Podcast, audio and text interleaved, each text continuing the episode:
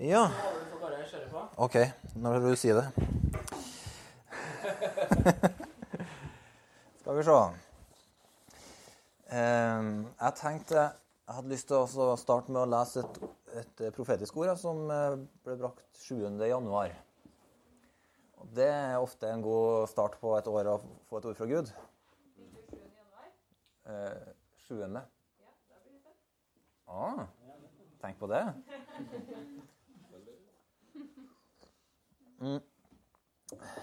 Eh, det var ei bønnesamling det her kom i. Skal vi få høre hva Herren sier om året som vi er på vei inn i. Dere skal få komme til et punkt der dere skal få erkjenne at uten meg kan dere ingenting gjøre. Dette året skal dere få erfare hvordan det er å samarbeide med min ånd. Dere skal få kjenne eh, varighet i deres ånd, slik at når dere ser det jeg gjør, og gir respons på det, skal dere få se min herlighet.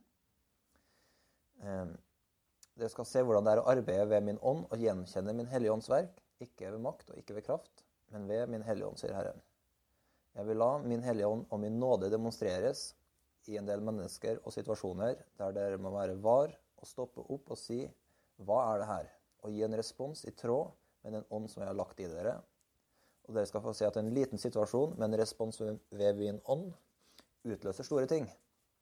Fordi den varheten og samarbeidet med meg vil være det som gjør at dere kommer inn i denne byen her og bryter gjennom festningsverk av mennesker kløkt og visdom og tankebygninger og alt stort og stolt som reiser seg mot meg. Det er dette folket som tilsynelatende har lite å fare med, som kommer til å skape forandring, for det er min Hellige Ånd som får en arena å jobbe med, og som eh, får en frihet. Så bevar varheten for mitt åsyn i alle faser av livet, så dere kan skille hva som er av Den hellige ånd, og ikke lar omstendigheter styre. For dere skal få oppleve å se at min ånd er nok, og at min Hellige Ånd gjør verket.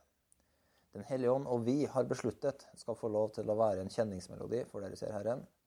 Vær tunet inn på meg, vær i mitt nærvær, la lovsang og tilbedelse og bønnelivet være friskt og fornyet gjennom hele året, slik at dere kan gi en rask respons og en tydelig respons, eh, slik at dere kan se at sannelig er at jeg, Herren selv, handler midt iblant dere.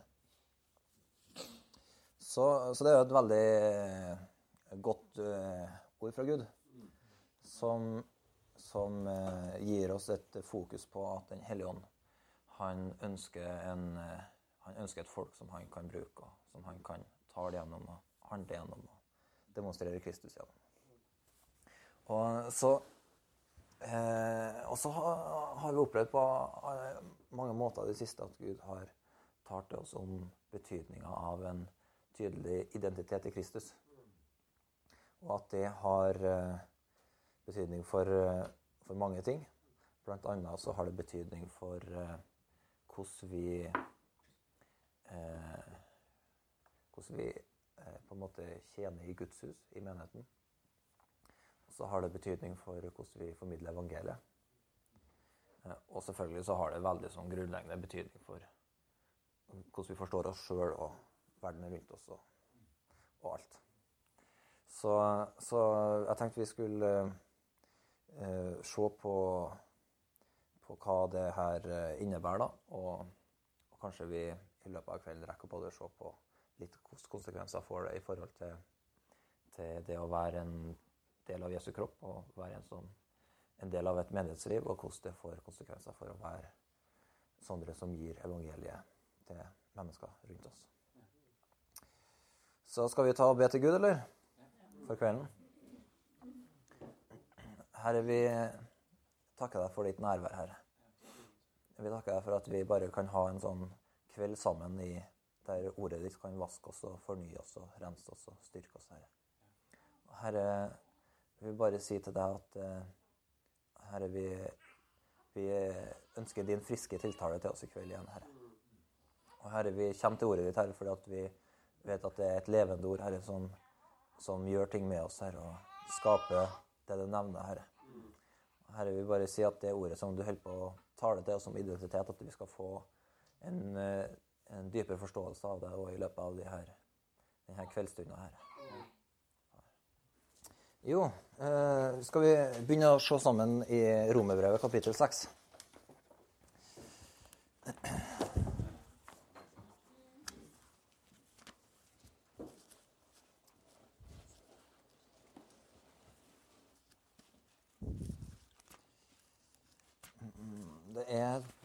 noen bibler rundt omkring hvis det er noen som trenger å låne. Eller så går det sikkert an å se sammen.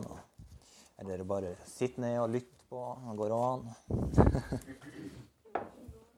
mm. Skål. Skal vi se.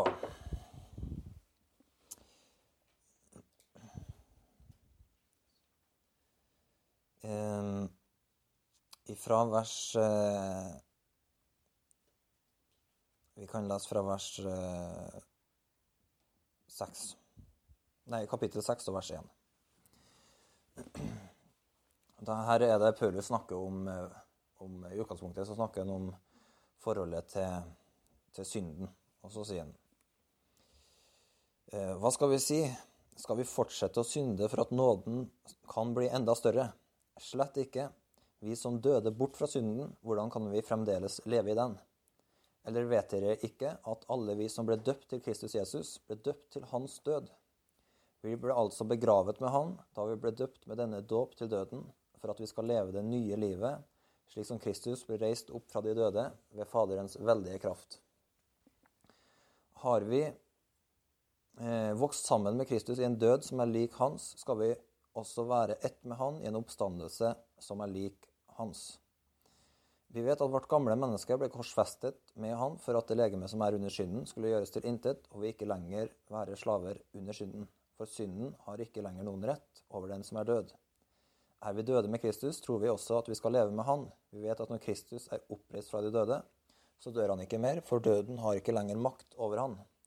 Gjennom sin død gjorde han opp med synden en gang for alle. Det liv han lever, er et liv for Gud. På samme måte skal dere regne dere som døde for synden, men som levende for Gud i Kristus Jesus. Eh, så kan vi lese, eh, gå til Galaterbrevet og kapittel 2.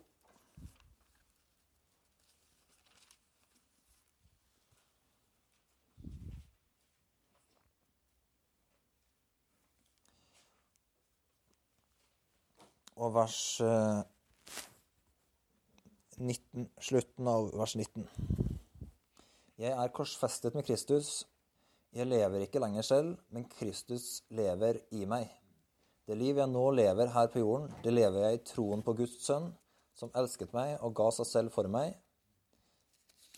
Jeg forkaster ikke Guds nåde, for hvis en kan vinne rettferdighet ved loven, da døde jo Kristus til ingen nytte. Um, så kan vi se i andre Korinterbrev tar uh, tre sånne skrifter her til å begynne med for å ha et grunnlag. Andre Korinterbrev, kapittel 5.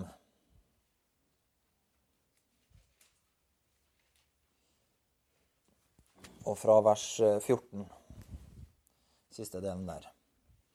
Vi vet at én er død for alle, altså Kristus. Derfor er de alle døde. Og han døde for alle, for at de som lever, ikke lenger skal leve for seg selv, men for Han som døde, og stå opp for dem. Så kjenner vi ikke lenger noen bare slik mennesker gjør, og har vi kjent Kristus slik, gjør vi det ikke lenger. Derfor, hvis noen er i Kristus, er han en ny skapning. Det gamle er borte. Se, det nye er blitt til. Så eh, når, når eh, Bibelen underviser om det her med å eh, Som vi kan sette et navn på å si at det handler om å ha en Kristus-identitet, så er det så er det veldig mye mer sånn eh, dyptgripende enn eh, på en måte den her rent sånn menneskelig identitet og tilhørighet. Fordi at eh, altså Når vi snakker om vår egen identitet, så kan jeg f.eks. si at identiteten min, Håvard sin identitet, den er at jeg er norsk. Jeg er født på landet, i fjellbygda Eller vokste opp på fjellbygda Berkåk. Jeg er trønder og har en trøndersk identitet. Og jeg er en mann har en identitet i det. Eh, og så har jeg mange sånne menneskelige sånne referanser. Eh, og så har du da eh, kan du ha mange sånne mye mer spesifikke kulturelle sånne identiteter som du finner at mennesker da på en måte uttrykke hvem de er gjennom at tilhøre en viss kultur, høre en viss type musikk, snakke i en viss sjargong, eh, kle seg på en spesiell måte. Eh, og, så, eh, og så har du alt det her med identifisering som går på at du har referanser på folk som du identifiserer deg med, eh, osv. Og så leser vi da de her avsnittene som går på foreninga vår med Kristus, og så er det akkurat så, så, på en måte ser vi at Gud skjærer gjennom alt det her som går på menneskelige utgangspunkt for identiteten. Og så og I alle de her, de her tre avsnittene som vi har lest nå, så ser vi at utgangspunktet for identiteten vår i Kristus, det er at Kristus, han døde. Og så står det da at vi har blitt forena med Kristus i hans død, i hans begravelse og hans oppstandelse. Det betyr at, sånn som vi leste sist her nå, at når Kristus, når én døde, så døde alle med han. Det er veldig radikalt. Eh, og det er utrolig frigjørende. Fordi eh, og, og, på mange måter så er det eller, eller, Og det er Guds måte til å sette oss fri til å tjene Han. Og det ser vi i alle disse avsnittene. Og hensikten da med å bli forena med Kristus i Kristi død og begravelse og oppstandelse, det er å, å, leve et liv for Han. Ved tro i Den hellige ånd. Eh, men du vet at i eh, Det er ofte sånn at, at eh, den menneskelige identiteten vår, den gjør oss eh, Litt sånn karikert så gjør den oss enten, ofte enten eh, stolt og håndmodig, eller den gjør oss eh, skamfull og blyg og, og, sånn. Eh, men den eh, Fordi at, at, vi har en historie som på en måte er og, og vi har omgivelser som definerer identiteten vår. Eh, men eh, det som Gud gjør, det er at han eh, gjør en slutt på alt det der. Han tar Det er ikke sånn at han tar oss fra én eh, kultur og setter oss inn i en annen kultur. Men det er faktisk sånn at Gud, han tar hele historien vår og alt vi er, og alt vi definerer oss ut fra, og så gjør han en slutt på det i korset. Så på korset så døde Håvard med Kristus. Og når Jesus ble lagt i grava, så ble Håvard lagt i grava sammen med Jesus. Det betyr at den Håvard som eh, som jeg var før, den har kommet til en slutt. Han er, han er ferdig. Han er død. Eh, det betyr at, eh, at historien min, alle de her eh, alle feil, nederlag og sånne ting, eller alt jeg kan være stolt av, det gjorde Gud en slutt på. Det på korset og i grava til Jesus, så, så ble det nullifisert. Håvard ble begrava. Det betyr at hele den kulturen som jeg var en del av før jeg møtte Kristus, den er òg begrava med Kristus. Det går på sånne ting som at uh, uh, For eksempel, jeg merker det veldig reelt. At uh, det kan komme folk til meg som kjente meg før jeg hadde møtt Kristus, og de prøver å slå en vits som jeg ikke flirer av. De spiller på humoren til en Håvard som ikke Han er død. Ja, og, og, han er ny, den som står foran ham, er en ny skapning. og så er det veldig mange som forventer en hel del sånne ting av Håvard. Den som, den som var, da. Eh, F.eks. at han skal være en del av en sånn eh, sånn veldig sånn eh, hva skal man si, nesten en sånn falsk ydmykhet som prega den kulturen der han kom fra.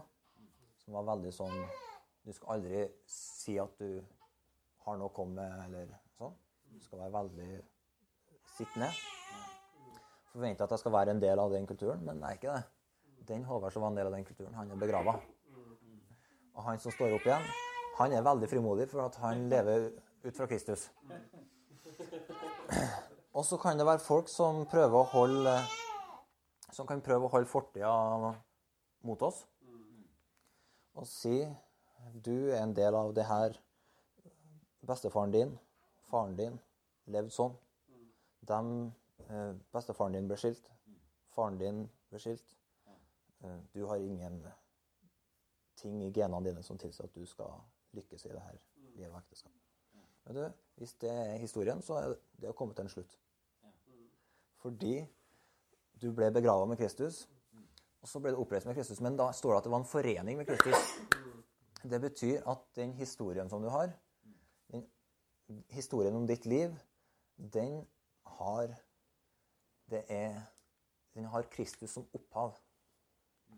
OK? Og hvis vi, vi kan ta og se på det vi må, vi må se på det. Gå til Romerbrevet igjen, og i kapittel eh, fem, forut for det vi leste om dåpen.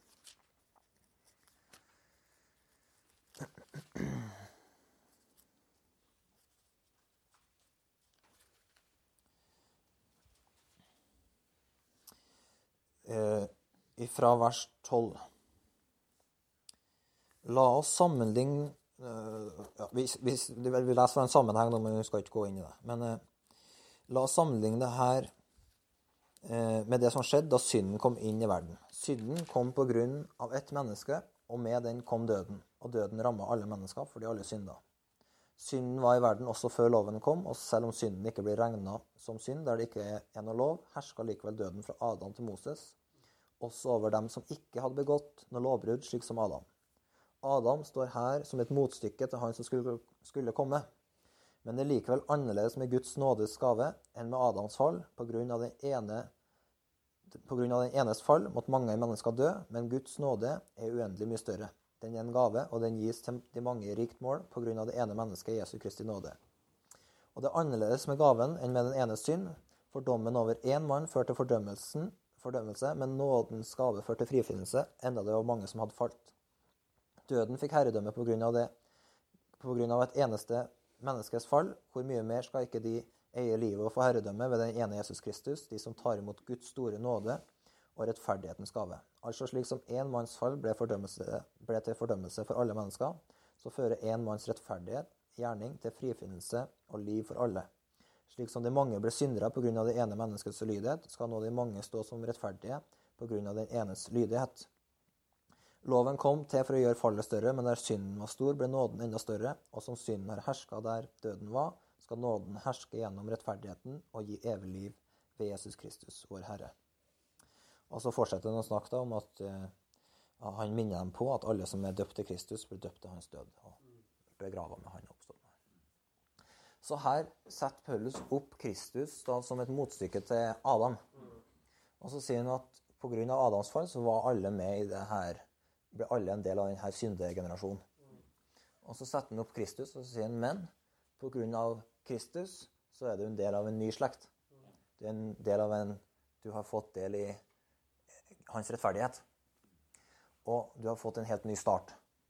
Så hele Alle mennesker har en mulighet til en helt ny start i Kristus. Og det er fantastisk. Så fortida vår den kan ikke bli brukt mot oss. Fordi vi er døde med Jesus og begrava med Jesus. Og så er vi da oppreist med Jesus. Og da begynner vi å leve et nytt liv der eh, referansen vår ikke ligger på det rent menneskelige. Om du er mann eller kvinne eller slave eller fri, jøde eller greker. Alt det her er helt uh, eh, underordna. Du har ett referansepunkt, og det er Kristus. Så det betyr at målestokken da til hver enkelt av oss på hvem vi er, og hva Gud kan bruke oss til, og hva slags plan han har for livet vårt, og hvilke forutsetninger du har for å leve dette livet, den målestokken er ikke hva nå enn mennesker prøver å sette deg i av bås eller plassere deg. Og heller ikke er målestokken din hva som har lyktes eller mislyktes før i livet ditt. Du har fått en helt ny start i Kristus. Eh, og så finner vi da ut at i Kristus så handler hele Guds verk det handler om nåde. Så det betyr at herfra, fra det punktet der du ble forena med Kristus i en begravelse og en oppstandelse, så starta du et helt nytt liv med utgangspunkt i Guds nåde. Du, hans verk, skapte Kristus Jesus. Og det betyr at eh, når du da fortsetter å leve et liv i Kristus, så er ikke så, er for, så alle de her menneskelige målestokkene, de er fortsatt eh, Eller de, er, de fortsetter å være borte. Det er sant om fortida di. Ingen menneskelig målestokk kan brukes mot deg, for du har fått en ny fortid som heter Kristus. Det er Kristus sin historie som er din historie. Du er forena med Han. Men så betyr det da at målestokken for framtida di ikke lenger er en sånn menneskelig målestokk. Det er utrolig viktig.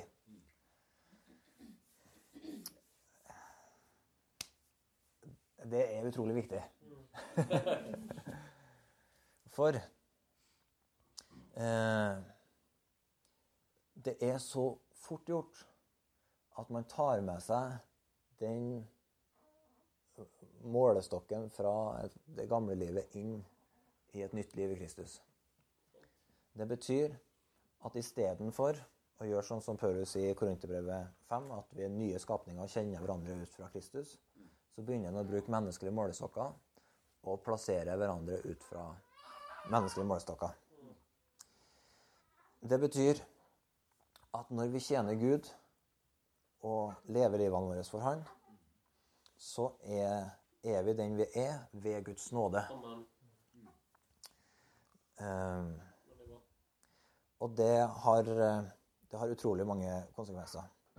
Og Hvis vi snakker f.eks. om et sånt område som frimodighet da, til å, Eller frihet og frimodighet til å være den Gud har skapt deg til å være, og gjøre det Gud har kalt deg til å gjøre så er det sånn at hvis en beveger seg i sånne menneskelige målestokker, så vil en målestokk f.eks. være det vil hva andre tror og mener om det du gjør. Det vil være en sånn drivkraft som enten da gjør at eh, hvis du har en sånn eh, i deg sjøl da har, har, et veldig godt eh, selvbilde, som du forventer å få bekrefta, så vil du være veldig frimodig til å gjøre mange ting. Så lenge du blir bekrefta på det gode. Eller, men hvis du har et dårligere sjølbilde, så vil du da ikke gjøre ting fordi at du forventer å få det bekrefta. At du er mislykka, eller at du ikke får det til, osv. Men hvis du har en Kristus-identitet, så og, å og det her livet som Paulus sier, at vi begraver Kristus, og Kristus lever i oss, så er, så er det sånn at måles, den menneskelige målestokken som folk rundt oss kan sette, den, den faller bort. Fordi at om Håvard blir bekrefta eller eh, ikke, det er ikke drivkraften. Eh, og så er det faktisk til og med sånn at eh, om, om jeg lykkes eller ikke men det jeg setter meg fore, er heller ikke eh, en drivkraft. Fordi at du begynner å få et utgangspunkt i Guds nåde. Så det betyr at om jeg lykkes eller mislykkes, det er ikke utgangspunktet for om jeg gjør det Gud vil. Men det er Guds nåde. Hvis det er sånn at Guds nåde virker, så, så kan jeg leve godt med å ikke lykkes med alt livet. Fordi at eh, Gud, han har lyktes i mitt liv. Han har gjort meg til et nytt menneske i Kristus. Og det hviler ikke på meg sjøl, men det hviler 100% på Jesus. Det betyr at jeg kan slappe av fra hele denne, det som gjennomsyrer kulturen vår. At, og det, det, er bare å skru på TV-en eller åpne et ukeblad hva som helst, så ser du at hele målestokken for, for, verdi og identitet og sånn er i hvilken grad du lykkes med ting. Sånn? Men det der, det er utelukka. Du lever med utgangspunkt i Guds nåde. Og da er det sånn at eh, hvis jeg lykkes, så takker jeg Gud. for Hans nåde. Og hvis jeg mislykkes, så takker jeg Gud for Hans nåde. Eh, og hvis, jeg, hvis Gud har bedt meg om noen ting, og det går, har lykkes med å gjøre det Gud ber meg om, så priser jeg Gud for Hans nåde. Og hvis eh, Gud ber meg om å gjøre noe, jeg mislykkes med å gjøre det han ber meg om, så priser jeg Gud for Hans nåde. Og jeg lever fra de kildene hele tida. Det er et utgangspunkt for å leve. Um, så Guds nåde blir da fundamentet for uh, hvordan vi lever. Og de her menneskelige målestokkene, da, de blir ikke drivkraften vår. Og det gjør òg noe annet med oss, fordi at uh, hvis mennesker sin målestokk er motivasjonsfaktoren for en drivkraft for hvordan jeg lever, så vil bl.a. frykten for å bli avvist gjøre at jeg ikke gjør det Gud sier. Ok?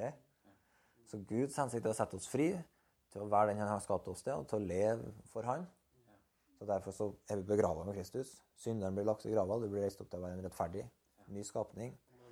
Og så finner du da plutselig ut det at, eh, at hvis du ikke er avhengig av menneskers oppmuntring, så blir du heller ikke styrt av om mennesker mislykker eller gir deg dårlig feedback eller osv. Fordi at du har én målestokk, og det er at uh, Jesus elsker meg. Han døde for meg. Han, han har født meg på ny. Og jeg reiste opp for å leve livet for han. Og er Og da lever jeg livet for han som døde for meg og elska meg og ga sitt liv. Eh, så det gjør at det er veldig mange sånne indre dialoger av spørsmål og ting som på en måte tar så mye energi fra livet, som forsvinner. Og så kommer det inn en ny frihet fra Gud som gjør at, eh, at, eh, at som, gjør, som gjør at vi drives til Kristus i alt som skjer. Vi søker Gud, vi søker Guds ansikt. Og du blir kjent med Gud som far. Og finner ut at veldig enkelt er det sånn at det er sant at vi er skapt for å bli bekrefta og tatt imot og elska og sånn. Det ligger veldig dypt i oss.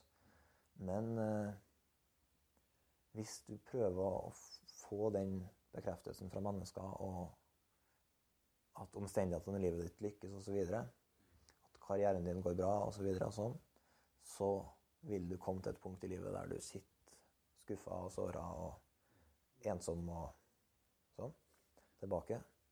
Men hvis en i Kristus finner Guds farshjerte, da, så finner at her er det nok eh, Eller det er nok å vite at eh, ta imot evangeliet i Kristus og vite at du er elska av Far. Og hans eh, oppdragelse og hans ord til oss og hans stadfestelse er nok i massevis for å leve livet. Og det er fantastisk.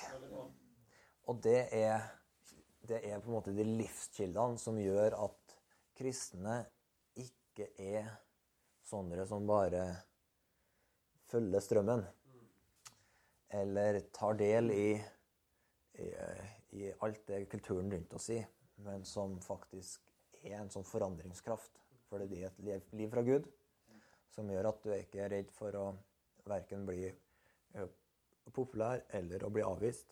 Du er bare Du elsker Gud, og Gud elsker deg, og det er end of discussion. Så det er veldig frigjørende.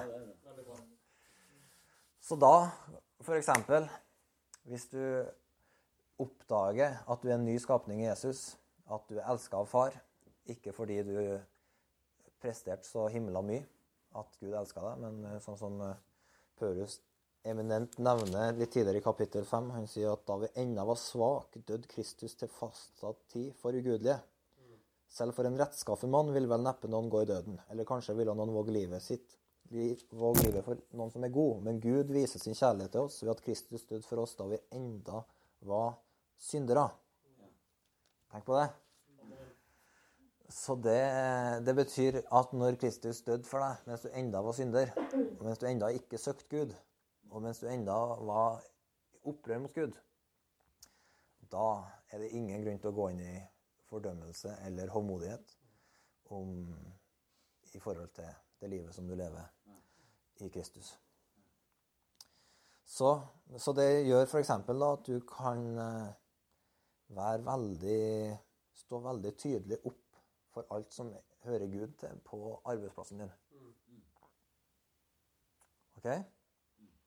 Fordi at eh, kristne er ikke styrt av feedback.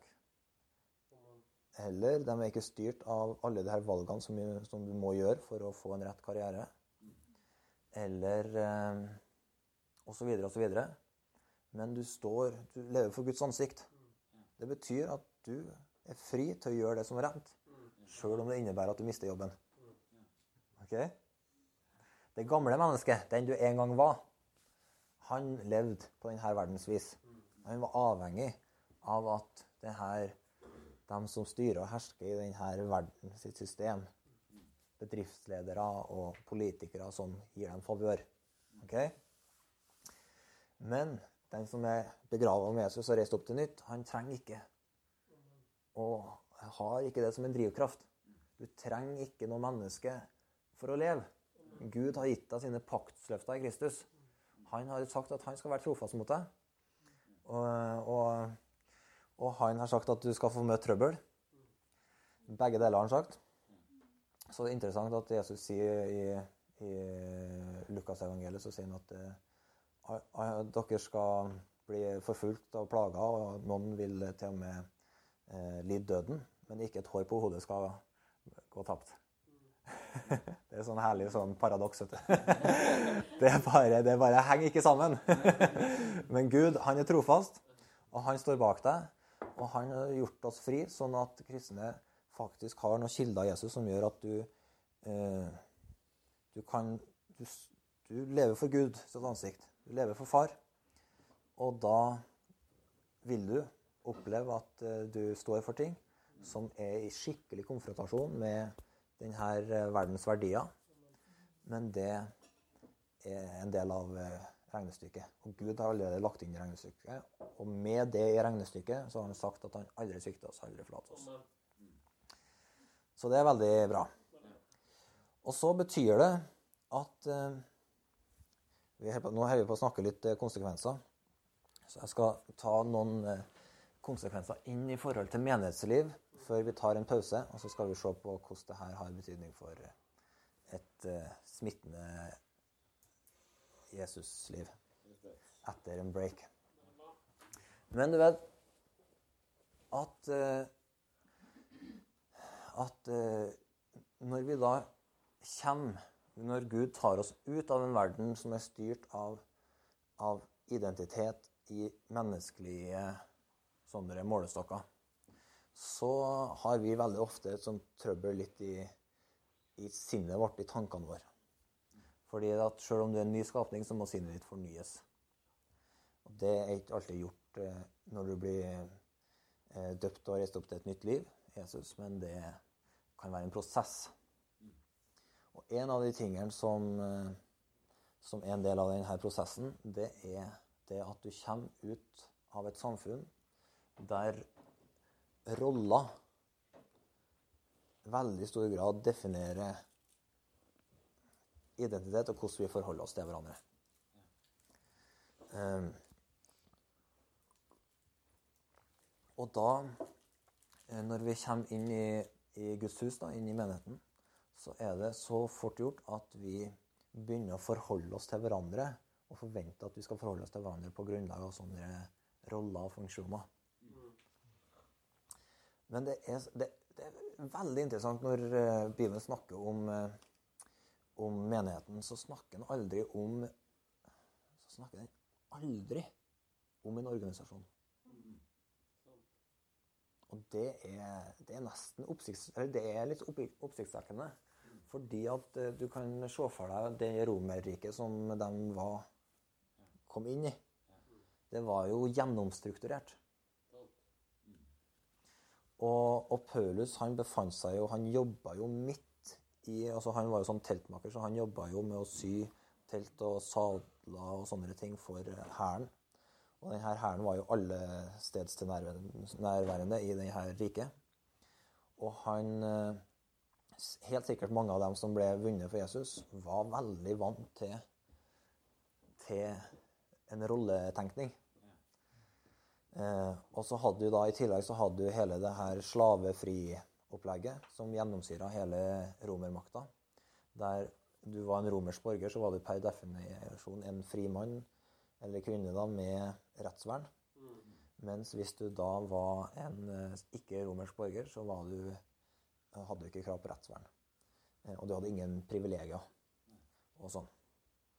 Eh, så, så det var jo et utrolig sånt rolleprega samfunn. Eh, kanskje mye mer enn vi i Norge òg en del av. Men, men, eh, når Paulus forklarer menigheten, så bruker han ikke denne hæren f.eks. som en sånn metafor. Men han bruker kroppen. Og det er, noe, det er et helt annet bilde. Fordi altså når han snakker om kroppen, så snakker han om at uh, det er en gjensidig avhengighet der eh, der du ikke kan avskrive noen, og du ikke kan avskrive deg sjøl. Eh,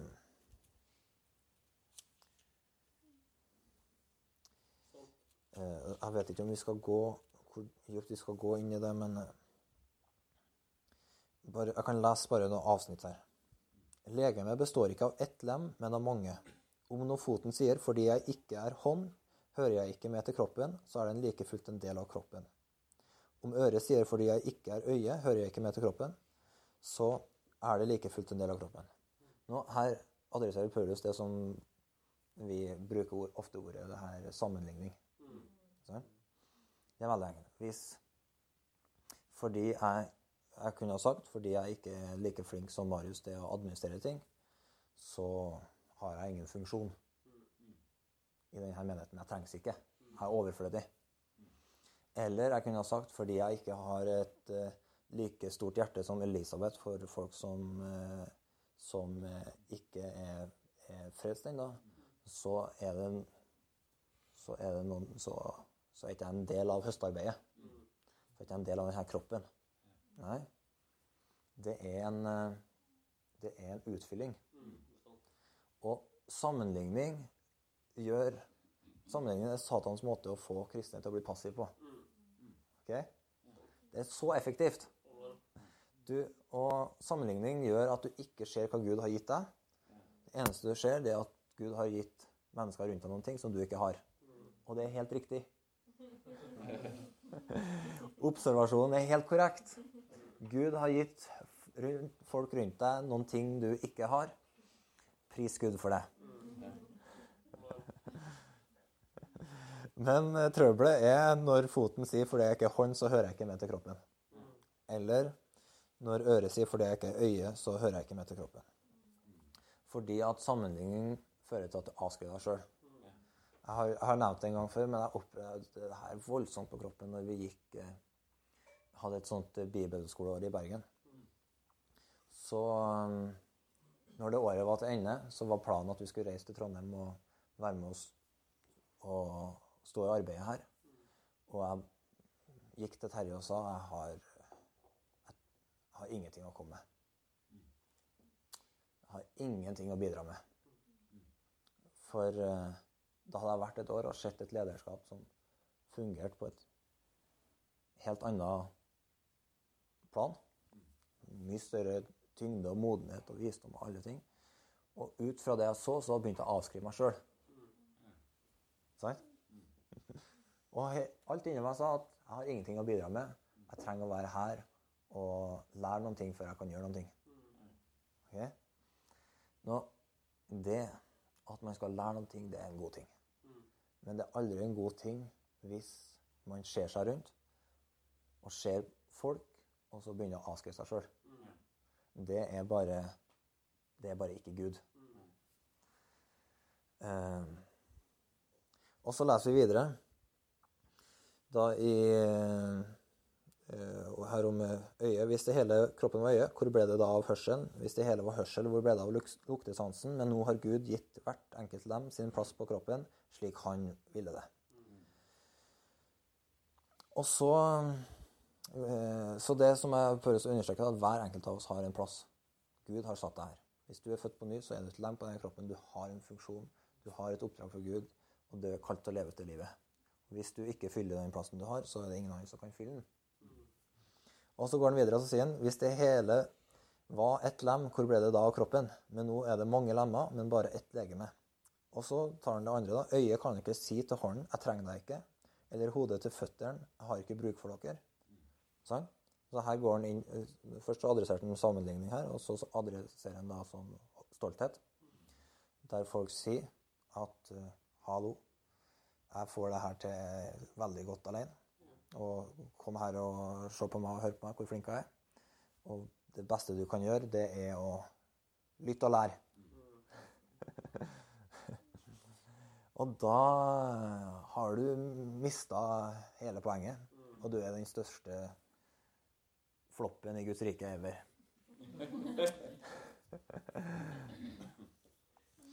For veldig enkelt så er det sånn at det er Gud han skaper en kropp.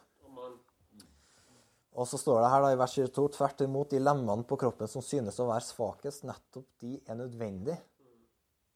Mm -hmm. De delene av kroppen som vi syns er mindre æreverd, dem gir vi desto større ære, og de delene vi blyges ved, kler vi med desto større sømmelighet. De andre trenger det ikke. Men nå har Gud føyd sammen kroppen og gitt mer ære til det som mangler ære, for at det ikke skal bli splittelse i kroppen, men alle lemmene har samme omsorg for hverandre. For om ett lem lir, lir alle de andre med, og om ett lem blir hedra, så gleder alle de andre seg. Og Her er det interessant, for her, her det Én ting er at du kan bli håndmodig og stolt i hjertet ditt og si at du trenger ingen andre. Du klarer deg fint og kan leve fint som kristen for deg sjøl. Helst så vil du ikke identifiseres med den kristne menigheten, for der er det så mange feil og mangler. Og så mange folk som gjør så mange rare ting. At hvis jeg skal representere Kristus, så må jeg gjøre det langt unna andre kristne. Og så ikke Jesu navn blir vanæra, men at jeg kan vinne en eller annen sjel. For i det minste er jeg bra nok til å kunne presentere Jesus på en skikkelig måte. Men eh, det er å miste blikket. Men det er en side. Men så sier Paulus her at de svakeste lemmene, eller dem som er mindre æreverd, de har Gud plassert der med vilje. Så det betyr f.eks. at eh, nå har vi et veldig svakt lem i rommet her. og Hun heter Maja og er tre uker. Og hun og Sånn er det f.eks. Med, med unger. De krever å bli Eller eh, de er det du kan kalle eh, Hvordan er det han bruker ordet her? Han sier at de lemmene på legemet som synes å være svakest, nettopp de er nødvendige. Det er mange som har det paradigmet at, at nei, vi får ikke til å leve et skikkelig meningsliv her fordi det er så mange unger. Men da har du mista noe av, av, hva Gud gjør. Gud plasserer bl.a. unger eller folk som har eh, plager, eller folk som er, er gamle og skrøpelige, midt i menigheten fordi at han holder på å knytte oss sammen. Så han sier Gud har plassert det der fordi at eh, det, for Eh, for at det ikke skal, skal, skal, bli splittelse i kroppen, men alle lemmene har samme omsorg for hverandre. Tenk på det. At Gud har valgt bl.a. å plassere unger i menigheten fordi at vi trenger å lære å ta hensyn, og ikke begynne å leve på våre egne premisser. Sånn? Det er kjempemange som vil det. Ha sånn, blant, blant annet veldig populært med sånne ungdomsmenigheter. Men det er et kjempedårlig prosjekt. Fordi at det eneste du får, det er masse folk som får det akkurat sånn som de sjøl vil ha det. Og med en gang Gud ønsker å bruke dem til noen ting de ikke vil sjøl, så har de ingen trening med det. Så de er ikke i stand til å bli brukt av Gud til noen ting. Det eneste de er konsumenter. Bruker menigheten som andre bruker en kino eller en, en pub. Men Gud har gjort det sånn at menigheten den har, har lemmer som trenger en omsorg. Fordi at ikke du kan si i hjertet ditt at vi er sånne sterke som klarer oss sjøl. Nei, vi er, vi er, gjensidig avhengig av hverandre. Det er fantastisk. Det er Guds visdom. Men når vi da har slått fast at sammenligning og, og eller stolthet det er på en måte Det er ikke noen sånn drivkraft. Eller posisjoner er ikke og liksom En sånn organisasjonstenkning er ikke måten Guds menighet er på, men alt har utgangspunkt i Kristus. Da regner vi oss sjøl som en del av kroppen på en annen måte, og så tar vi imot hverandre på en annen måte. Det betyr at vi underordner oss hverandre. Alle sammen underordne seg hverandre fordi at det er en gave av Kristus hos hver enkelt. Jesus virker i livet til alle dere som er her nå, på en sånn måte at jeg er avhengig av det, av Kristus sitt liv i dere, for å kunne leve med Jesus. Eh, Jesus er hodet for en kropp. Og det er et stort mysterium at Gud har gjort det sånn at du, du kan ikke erfare Jesus fullt ut før du erfarer han gjennom menigheten sin. Det er ganske, det er ganske interessant.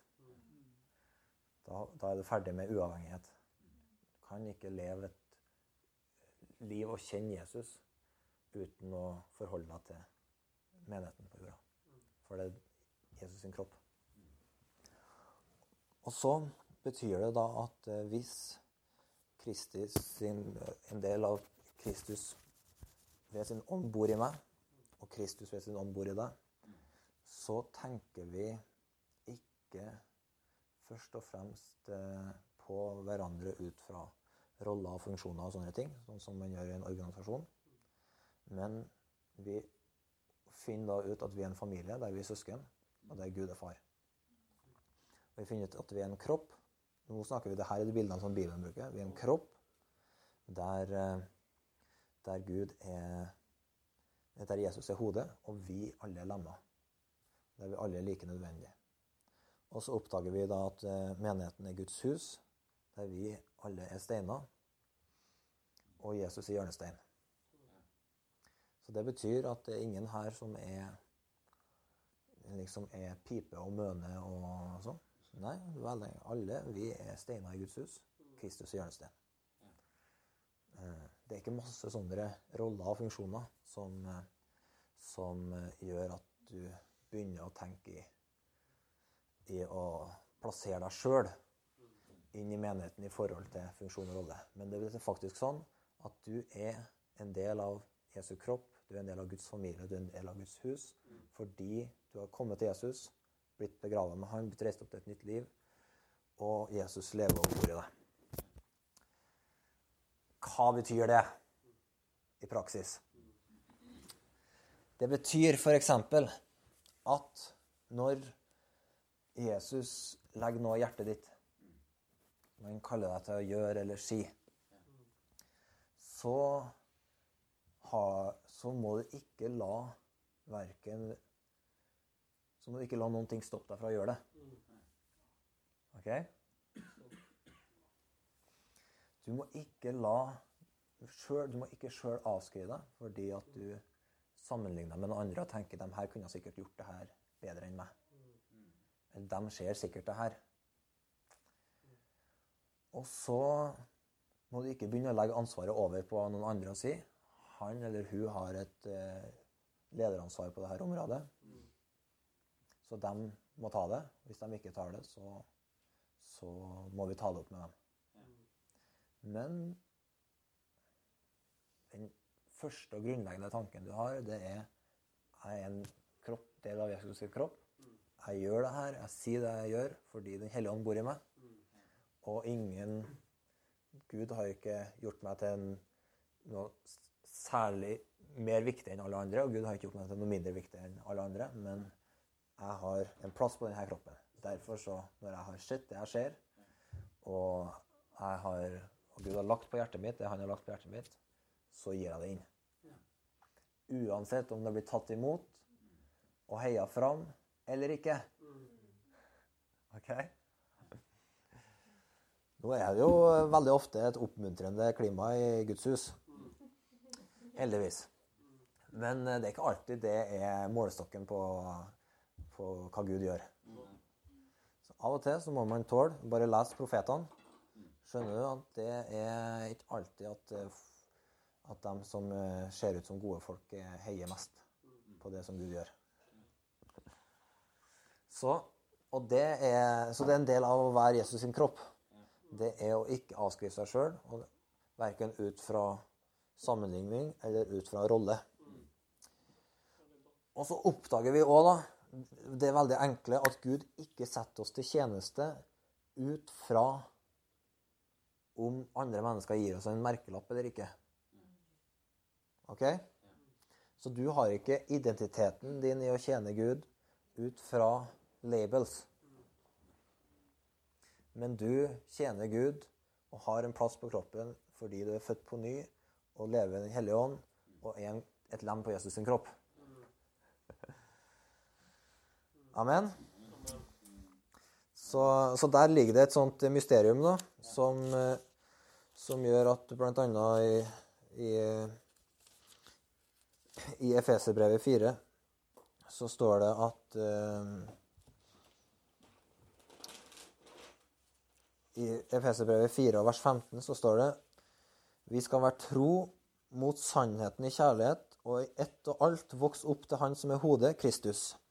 Og så Hør her i vers 16. Fra Han kommer hele legemets, kroppen sin, vekst. Det sammenføyes og holdes sammen av hvert støttende bånd.